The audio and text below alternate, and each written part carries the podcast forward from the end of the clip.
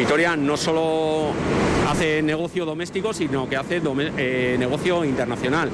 Te puedo decir que el pico pasado, este famoso pico a final de año que empieza después del Black Friday y acaba después de Reyes, ha sido verdaderamente una, una locura y el volumen de mercancía que ha llegado de esas compras que hemos hecho todos por internet ha sido pues, un crecimiento muy, muy, muy importante, que lo que decía, pues eh, más del 50% versus el año anterior. O sea que verdaderamente es un negocio muy en auge. Con. I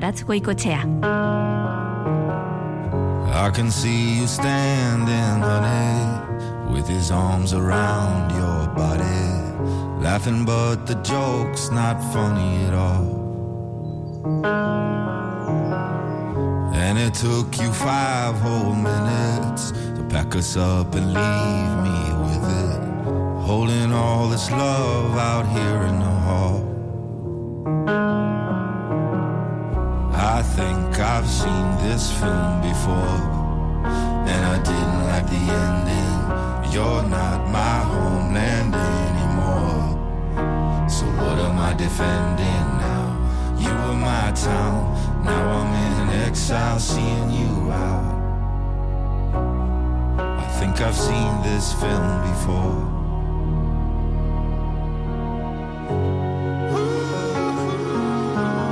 Seres y estares. Un retrato de la sociedad anónima con Merche Guillén. Hay actos que hemos normalizado de forma automática y con una eh, rapidez inusual. Hasta hace no mucho uno iba de tiendas. De hecho, hacerlo era casi hasta un acontecimiento, ¿no? Ir con tu ama primero y luego con tus amigos a, ver ropa, a elegir, a probar, luego a comprar. O, o, quedar directamente, ¿no? Para ir a una gran superficie a buscar el último disco de tu cantante preferido. Pero ahora ya todo lo hacemos a golpe de clic y hemos normalizado que un producto que compramos en Teruel llegue a Menagaray, a Vitoria o a la Sierra en 24 horas. Merche Guillén, ¿cómo estás, Eguardión? Eguardión, Arach. Pues efectivamente, vamos a hablar hoy de una acción que, como tú decías, ya es cotidiana para muchas personas. Comprar a través de Internet y recibir esa compra en nuestra casa, en un paquete de cartón, en la mayoría de los casos. Es el llamado B2C, el negocio de paquetería de empresa particular que ha duplicado su actividad, tal y como explicaba Chema Rue, que es Station Manager, director de operaciones de DHL Parcel Vitoria y zona norte. Nos hemos acercado hasta un gran pabellón de unos 12.000 metros cuadrados al que nos hemos acercado, como digo, para conocer el ciclo del envío de un paquete desde que llega a la agencia distribuidora y sale después hacia su destino. Está eh, en DHL, estamos en DHL que se ubica en el polígono de Jundiz, tiene un área de logística o almacén y otra de distribución de paquetería y su actividad se desarrolla durante las 24 horas del día. Es un hub, un lugar estratégico de distribución, un centro de removido en el que se recibe la mercancía de zonas cercanas Vizcaya, Guipúzcoa, Navarra, Cantabria, La Rioja y la provincia de Burgos para redistribuirlas a otros puntos desde aquí. Es paquetería que se distribuye tanto de empresa a empresa como de empresa a particulares. Dices de Vizcaya, de Guipúzcoa, de Navarra, de Cantabria, de La Rioja, también de Burgos. ¿Y por qué no se reparten directamente desde esos lugares? Bueno, ya sabes que uno de los objetivos de la distribución y la logística es optimizar recursos, tiempo de trabajo, y espacio de transporte. Así que cuando alguna de esas zonas pues no tiene carga suficiente para llenar un tráiler completo a un destino concreto, esa carga se manda a Vitoria, se junta con otras pequeñas cargas de otros sitios que van al mismo destino y se llena un tráiler para ese destino. Vitoria es un hub, como digo, pero esta empresa de distribución tiene otros tantos repartidos por todo el estado, en grandes ciudades como Madrid o Barcelona, también en Zaragoza, Valencia, Sevilla o Valladolid. Me he quedado con una de las cosas que has dicho, em, que desarrolla su actividad durante las 24 horas del día. Por tanto, ¿en qué momento eh, de toda esa jornada laboral, que es de 24 horas al día, has decidido acercarte a DHL? Bueno, ahora, em, momento, dirás, momentos en plural. varios, Sí, sí, sí, porque casi me hago experta en distribución por carretera, te digo. por cierto, hablamos del hub de DHL en Jundiz, pero bueno, que sepan nuestros oyentes que hay un hermano mayor eh, en Foronda, el DHL Express, que hace lo mismo que el de Jundiz, pero con aviones en vez de con camiones. Bueno, y lo que te decía, que casi me hago experta en distribución de paquetería por carretera, porque he visitado esta agencia, que es así como la llaman, en dos ocasiones. La primera sobre las 7 de la tarde. En este turno de trabajo, fíjate, se clasifica la mercancía de clientes de Álava a los que les- se les ha recogido los paquetes para enviarlos esa misma noche a su destino, para repartir allí a primera hora del día siguiente. También llegan camiones de Bilbao, Donosti, Iruña, las zonas hub de Vitoria, para consolidar aquí su mercancía y repartirla desde aquí a sus destinos. Los primeros camiones con destino peninsular sal- salen sobre las nueve y media de la noche de Vitoria hacia Andalucía, que es el destino más eh, lejano. Has dicho consolidar aquí su mercancía. Sí. Eh, ¿Qué significa este término de consolidar? Bueno, pues la consolidación de mercancías es cuando la carga de uno o varios camiones se combina, se junta en un mismo, en un mismo tráiler. Bueno, pues además de esto, en este turno de trabajo también se cargan los camiones con destino internacional y Europa. Todo esto se hace de una forma súper eficaz, con el tiempo muy, muy presente, con varias decenas de operarios trabajando, moviéndose de aquí para allá, bajo el sonido incesante de las cintas transportadoras. En ellas, estos operarios dejan los paquetes que llegan a los muelles de descarga y se clasifican a través de un lector de código de barras para dirigirse después automáticamente a su bajante punto de salida.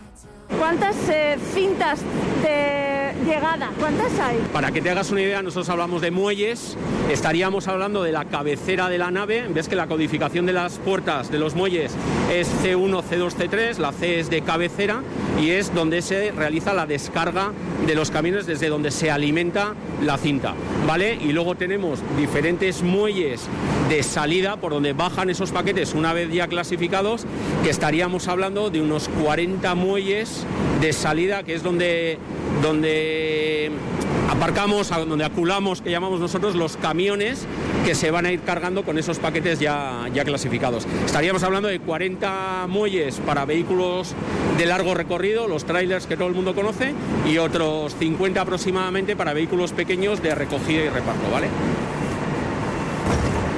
Carlos, eh, ¿de qué te encargas tú dentro de, de esta eh, central? Eh, ¿Cómo le llamo a esto? ¿A qué? ¿A esto? ¿A Sí, agencia? agencia. Eh, bueno, pues soy el responsable de operaciones en el departamento salidas y bueno, me encargo de liderar, digamos, y, y gestionar un equipo de 23 personas. Y lo que hacemos ahora a la tarde pues es eh, bueno, eh, recepcionar toda la mercancía que nos entregan los clientes aquí en Vitoria, clasificarla y cargarla en sus correspondientes camiones para después posteriormente en los horarios que nos tienen marcados la empresa pues darle salida a sus correspondientes destinos. La mayor, eh, no sé, dificultad que te puedas encontrar en este proceso, ¿cuál puede ser? Por ejemplo, cuando ha habido problemas con nieve, ¿no? La meteorología igual a vosotros os perjudica mucho, por ejemplo, ¿no? Sí, sí, sobre todo eso, es la meteorología, porque los camiones se retrasan, ya el tiempo se te, se te acorta, te ves más limitado en eso. Y, y donde más eh, podemos llegar a sufrir es cuando tenemos alguna avería en la cinta. Ahí es donde, donde sufrimos. Realmente ahora mismo eh, digamos que no estaríamos preparados para mover el, el volumen de mercancía que tenemos, para moverlo sin cinta.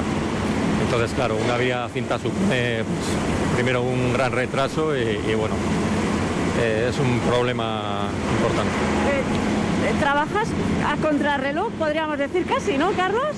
Sí, sí, la verdad, la verdad es que sí, porque desde que empezamos, eh, pues nada, eh, tenemos los tiempos muy marcados, digamos, eh, las horas de salida de los camiones hay que respetarlas escrupulosamente, digamos, eh, para que el- la mercancía llegue a sus correspondientes destinos en hora y, y los compañeros de, de distintas delegaciones pues puedan repartir la mercancía en hora a los clientes, claro.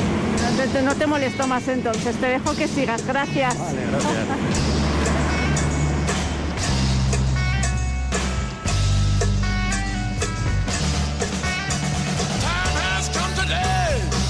Bueno, pues ya ves, Arach, aquí todo lo que entra tiene que salir en un espacio muy breve de Claro, tiempo. por eso tan importante que haya buen clima para que no se retrase nada y que no haya averías, ¿no? En las cintas sobre todo las cintas, las cintas eh, son grandes protagonistas y aliadas en este trabajo. bueno, decía Carlos que una avería en la cinta es una catástrofe para ellos, lógicamente, aunque también hay un porcentaje de mercancía que no se clasifica por la cinta. Son paquetes súper grandes que se transportan por la nave en Fenwich, palets, y la verdad es que me encantó ver cómo, cómo las manejan.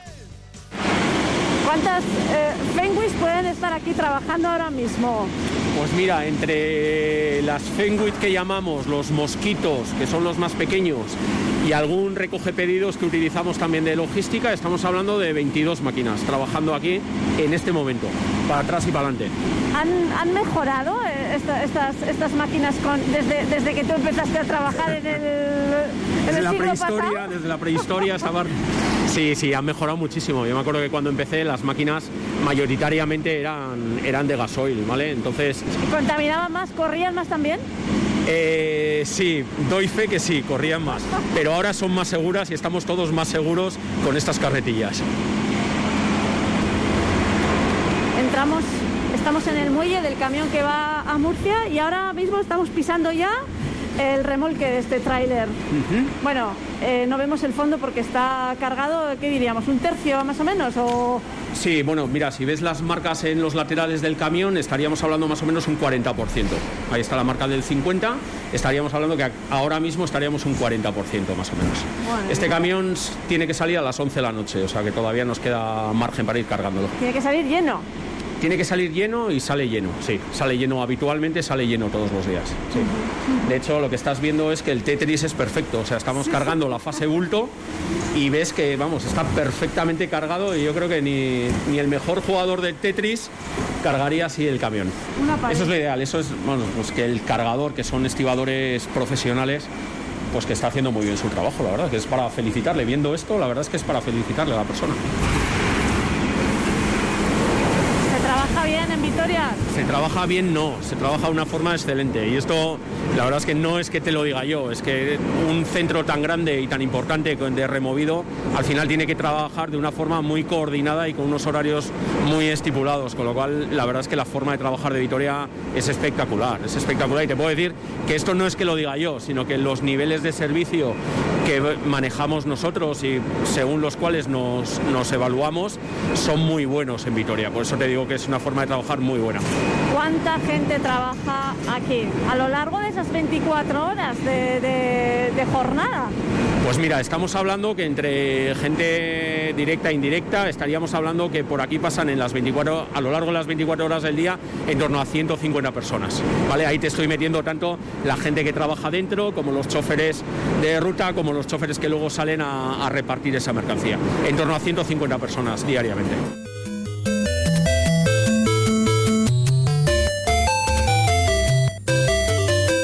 Quedado con la imagen de ese, de ese camión que estaba, que a un tercio hemos dicho de, de carga, claro, para optimizar también estos transportes, estos trailers, imagino que tienen que eh, colocar toda la mercancía casi como un Tetris, como estamos Sí, escuchando, sí, sí. ¿no? Es que es, es tal Optimizar cual. hasta el último rincón. Es tal cual. eh, el- el- la optimización del espacio es absoluta. Como Y- cuando haces una mudanza, que tiene- tienes que meterlo todo, en ese camión. Eso es, ¿no? la carga de, de la fase bulto se hace a mano y, por ejemplo, para los palets tienen un medidor de pesaje y cubicaje, que es que eso me encantó verlo. Eh, es un, un medidor para grandes bultos para optimizar al máximo el espacio de carga, para evitar averías al- Ah. en el camión al a la hora de repartir el peso. Y fíjate que esa distribución de bultos y palets se anota automáticamente, de forma que cuando el camión llega a su destino, las personas que lo recepcionan ya saben cómo viene cargado antes de abrirlo. Antes de abrirlo. Claro, esto optimiza el tiempo de descarga porque saben que lo primero va a ser palets, por ejemplo, entonces las Fenguis van a estar preparadas para descargar eso y luego operarios para descargar el bulto o, o al Bueno, es revés. toda una cadena para ir mm, a Efectivamente. tiempo y, y optimizar. Efectivamente, eh, sí, sí. ¿no? Bueno, la tarde va avanzando. En, en- en esa tarde que me acerco a DHL, la carga de trabajo se acentúa para el equipo de Carlos que anda cargando camiones para toda la península. La punta de trabajo es en una ventana horaria muy corta para cumplir a rajatabla con los horarios de destino. Ya hemos dicho que a las nueve y media tienen que salir los camiones con el destino más lejano en la península, con destino a Andalucía. Y por si fuera poco, a esto añadimos otro equipo con otra tarea. Son casi las nueve y media y Emilio Durán acaba de llegar para empezar a coordinar a su equipo desde ahora y hasta las 5 de la mañana con la carga de los camiones Destino Internacional. Bueno, Emilio, ¿cuál es tu labor aquí cada día? Bueno, más que cada día, te iba a decir cada noche, que son las 9 y 25. Hacemos noches y la misión nuestra es preparar la mercancía que viene del norte y sale para Europa. Y algunos países que no son comunitarios, como ahora GB, Gran Bretaña, eh, Suiza y Noruega. Entonces eso tiene que pasar a aduanas y sacamos de un día para otro. Lo demás es preparar, va llegando, separamos por países, cada país hacemos contenedores, montamos jaulas con unas etiquetas que luego cuando terminamos se cargan los camiones a otra etiqueta y va todo pistoleado para que el cliente sepa dónde está cada momento su expedición. Yo creo que eh, evidentemente la mayoría de nosotros no tenemos ni idea de cómo funciona una planta de, distribución logística como, como en la que trabajas tú, Emilio, ¿no? Esto es un engranaje, un gran engranaje, ¿no? No, está bastante controlado. Yo también a veces me alucino de la cantidad de mercancía que movemos y cómo está el tema, por lo menos en mi departamento, cómo está controlado y saben dónde está el bulto, o sea que no nos podemos escaquear, nos tienen controlado. Entonces, estas persianas de estos muelles que estaban cerradas cuando yo he llegado a eso de las 7 de la tarde, se empiezan a abrir porque aquí empieza, empezarán a llegar luego los camiones para, que van para internacional, ¿no? Se empiezan a cargar ya. Sí, bueno, aquí tenemos el de Francia, se saldrá a las 4 de la mañana, el del medio va a Bélgica, que lleva casi todos los países, y luego ahora la, viene de Madrid un camión que va para Alemania. Se aculará en aquel muelle en el 32 y ya preparamos la mercancía. Ese camión sale a las 12 y cuarto y esto es a las 4 de la mañana. Hoy en Gran Bretaña no tenemos, porque claro, como hay que pasar aduanas, hay que tener un cierto volumen de carga, si no, no compensa mandar un camión con dos palés. Entonces ya cuando el camión se que está más completo, es cuando tenemos un camión para cargar. ¿Lo ves? Te ha mirado, es verdad. Pegas un silbido y te miran tus... Y ahora viene. ¿Tu equipo? ¿Cuál es tu nombre? Eh, Jesús. Jesús, ¿te da mucha caña, Emilio? Eh, sí, bastante. Yo creo que se nota, ¿no? Sí, sí, sí. ¿Tiene nervio? Sí, sí. bueno. Pero es bueno, es majo, en el fondo es majo. Cuando niño preguntaba si el río llegaría algún día al mar. Una voz que tiempo al tiempo. La verdad se, se han cerrado persianas que hasta hace un rato estaban abiertas con con trailers, ¿no? Con remolques de trailers. ¿Eso qué significa? Bueno, pues lo que estás viendo ahora que es que las bajantes ya están vacías, las puertas cerradas, porque ha llegado la hora límite de esos camiones, que era las nueve y media de la noche. Se ha hecho un sprint final, se ha metido toda la mercancía que estaba pendiente de meter en esos camiones, se ha cerrado puertas y los camiones han salido ya a destino con la mercancía que mañana se entregará en Málaga, en Cádiz, en Granada, etcétera. Igual los oyentes de Radio Vitoria se creen que, que el trabajo de periodista, bueno, es más o menos fácil. No digo yo que no, pero hoy, concretamente hoy, fácil no me lo vais a poner, porque claro, son 10 menos cuarto. Va siendo hora de cenar, Chema. Y te diría yo, y de despedirnos, encantada de haberte saludado y todo esto, pero ¿qué pasa? Que me vais a hacer volver, ¿no? Exactamente, yo ya lo siento, Mercedes, pero no te doy todavía fiesta, te dejo descansar un ratito, pero te espero aquí en la madrugada para que veas el proceso inverso a lo que has visto ahora y que veamos mañana cómo nos llegan los camiones y el proceso que hacemos en llegadas, no en salidas que estamos haciendo ahora. Claro, tú dices mañana, pero en realidad va a ser cuestión de horas. Pero en, un ratito, en un ratito, nos vemos, Mercedes. Pues nada, hala, hasta luego, que te aproveche la cena. hasta luego, Mercedes.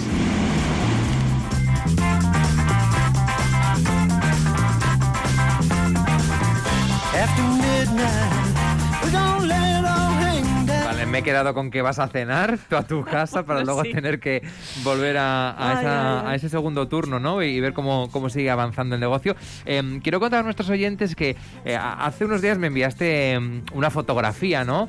Bueno, en realidad un vídeo que vamos a colgar también en nuestras redes sociales eh, de esa grabadora haciendo un recorrido por, por las transportadoras. Porque claro, si hubiera metido la grabadora y la dejo ahí... Acaba en China. O en Cádiz también, ¿eh? Pero bueno, decía que eh, me enviaste una fotografía en la que, bueno, eh, te vemos con unas zapatillas protectoras, em, con las punteras de seguridad que te tuviste que poner para andar por allí, como una especie de, punteras de, zapatos de payaso, ¿no? Sí, algo así. te fuiste a casa con ellas. Efectivamente, además casi se me olvida quitármelas y las quité casi, casi en la puerta de zapatillas. Bueno, me fui con las, con las protecciones en, en, los pies, con las zapatillas protectoras y con el chaleco, con todo, a descansar un ratito, ¿eh? Porque tocaba madrugón para conocer otra parte del trabajo. ¿Qué hora es? Las 5 de la mañana. Que conste en acta, el madrugón. Las 5, las 5 de la mañana, sí. Las cinco en punto, además. Las 5 en punto. ¿A quién vamos a ver ahora? Pues vamos a ver a Eneco, al encargado, te lo presento y nos cuenta él un poquito a ver qué, qué es lo que está haciendo, ¿vale?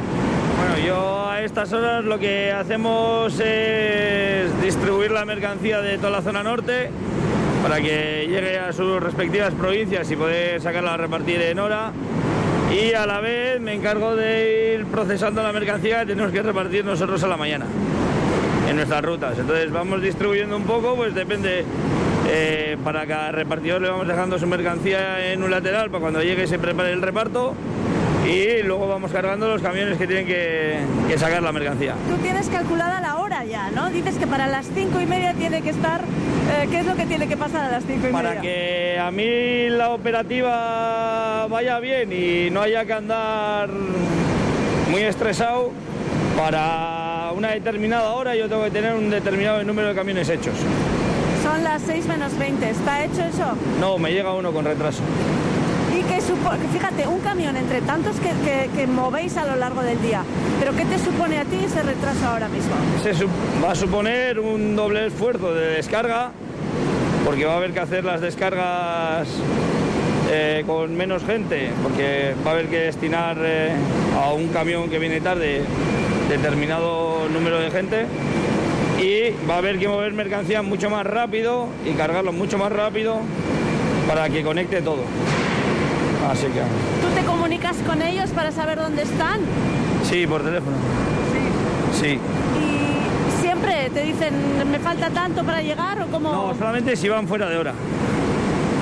Yo no se les molesta porque suficiente tienen ya con conducción de noche como para tener que estar cogiendo el teléfono. Vale. Solamente si van fuera de hora. Si el camión no está a la hora, entonces sí que se le llama.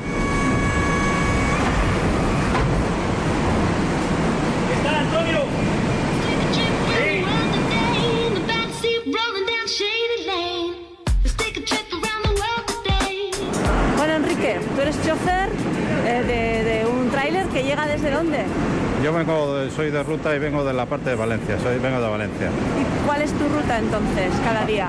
Valencia, Vitoria, Vitoria, Valencia. Un día para un lado y otro día para otro. Acabas de llegar ahora, a ver, vamos a ver la hora, son 6 y 25 de la mañana. A las seis y cuarto, sí. ¿Sí? ¿Has llegado en hora? Sí, sí, he llegado en hora. Cuando descarguen, yo lo paso al muelle de carga. Y ahí se queda hasta la noche. Yo me marcharía para casa y hasta la noche, a eso de las 11 de la noche, 11 menos cuarto, que arrancamos, estaría en casa. ¿Y em, cuántos años llevas con el oficio? Con el oficio llevo 32 años. Y trabajando en la misma empresa, siempre aquí. Son, son muchos años de carretera, ¿no? Has contado los kilómetros que has hecho, te habrás dado varias vueltas al mundo varias veces, ¿no? Sí, bueno, no sé, los kilómetros que habré hecho, pues no sé, pero ¿A la semana cuántos haces? aproximadamente a la semana vengo haciendo son unos 6 por unos 3.000 kilómetros a la semana. Unos 12.000, 13.000 al mes. Bueno, más o menos por, por al año vienen siendo unos 150, 140, 150 mil kilómetros. Por 32 años casi, pues me pierdo.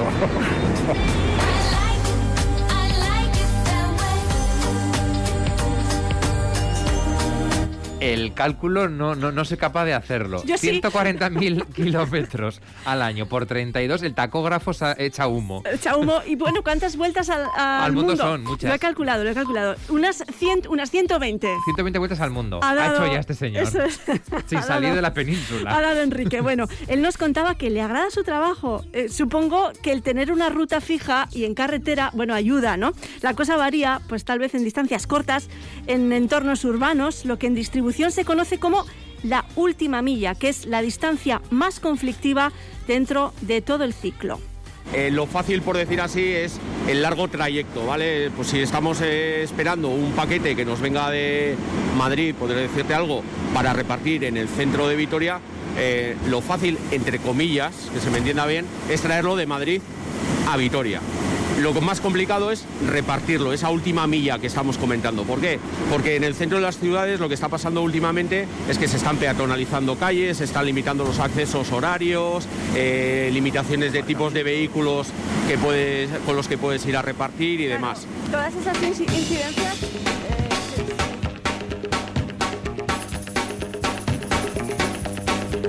¡Ay, el mundo de los repartidores! Eso casi requeriría otro series y estares. Pues ¿eh? sí, desde luego, porque, porque fíjate, eh, los primeros y los últimos en la cadena de distribución. Su trabajo está lleno de prisas, de alguna multa que otra por aparcar fuera de hora de carga y descarga, tal vez. Y bueno, yo tengo una duda que he querido solventar con Javier García, que es repartidor que trabaja para DHL desde hace casi 20 años.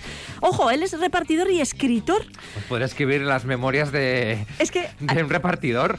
Es que ha escrito varios ¿Ah, sí? libros, sí, sí, ha escrito varios libros. Entre ellos uno que se llama En doble fila, una novela autoficcionada que te puedes hacer una idea, Arach, de lo que trata, ¿no? Sí, sí, bueno, sí. pues charlando con Javier, le pregunté si era cierta esta leyenda de que los repartidores nos ven por un agujerito y justo cuando salimos de casa, ¡zas! Dejan el paquete. Nos llaman para entregar el paquete.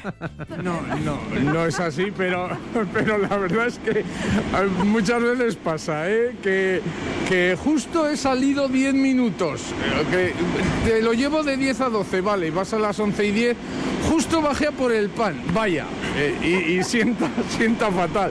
Pero bueno, son, son gajes del oficio. Al final, eh, el tema de los domicilios es, es un poco ingrato, la verdad. Pero bueno, hoy, hoy por hoy es, es una realidad cada vez más creciente. ¿Qué- ¿Qué es lo que em, lo que hay que tener, o sea, lo que más tiene que tener un repartidor? Paciencia, eh, prisa, eh. Pues de dotes todo. negociadoras con la policía para que no te multen. Bueno, que- eso ya depende del policía, porque buf, hay algunos que, que son mucho más empáticos y comprenden que, que estás haciendo tu trabajo y otros son muy mucho más eh, estrictos. Entonces, bueno, y luego sí, pues hay que tener paciencia, luego el tema de la climatología es muy chocante, sobre todo el agua. El frío al final entras en calor o te abrigas, o- pero el agua es muy chocante para nosotros porque estás continuamente mojándote cuando llueve, además aquí en Vitoria llueve mucho tiempo y, y es, es muy ingrato y muy incómodo para repartir. Pero bueno, al final uno también se va haciendo a todo. Oh,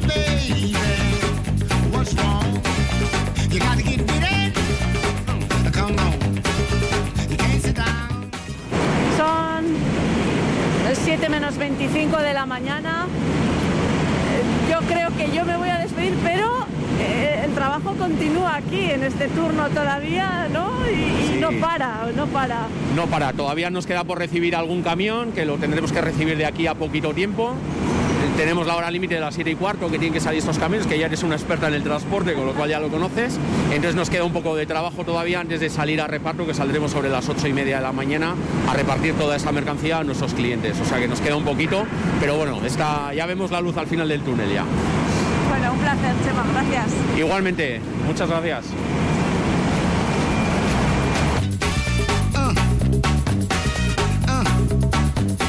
Bueno, antes de que mm, hagas tu capítulo de agradecimientos, Sí, hay, algo, hay algo que me ha llamado la atención y es el, el sonido, el Sí. ruido Sí. constante en la planta de DHL en Jundi. Sí, fíjate que tenía yo mis dudas luego para a ver cómo se iba a reproducir luego eso sonoramente, pero bueno, una vez más la grabadora, mi grabadora ha hecho maravillas. Sí, sí, sí, sí. Sí, es un sonido que, claro, ellos ya están acostumbrados, pero que llama mucho la atención. Ujú. sí.